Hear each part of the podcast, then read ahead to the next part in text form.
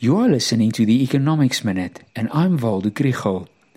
Food was in the news in different ways in the past week.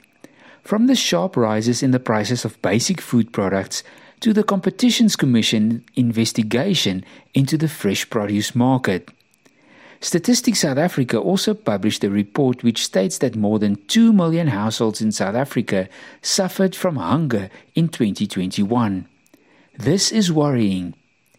This episode is supported by the Bureau of Economic Research in Stellenbosch and the NWU Business School.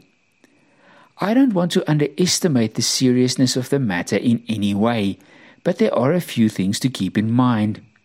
The newspaper headlines that said households are starving due to sky high food prices were wrong.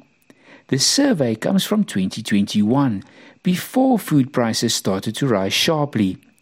Households then went hungry due to the impact of COVID restrictions on the economy. This issue was thoroughly investigated in the NIDS-CRAM surveys, which show that by April May 2021, the percentage of households which ran out of food and those that experienced hunger decreased, but it had stabilized at a high level. The 350 Rand allowance helped but could not make up for the loss of jobs and income during the pandemic. In 2022, food prices increased sharply.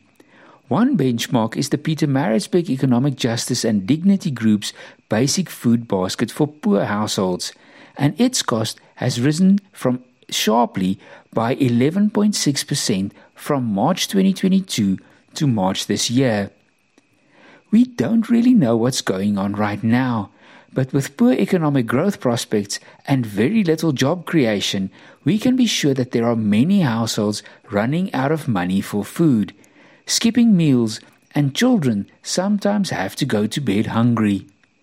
That is how urgent it is that we need to get the economy growing.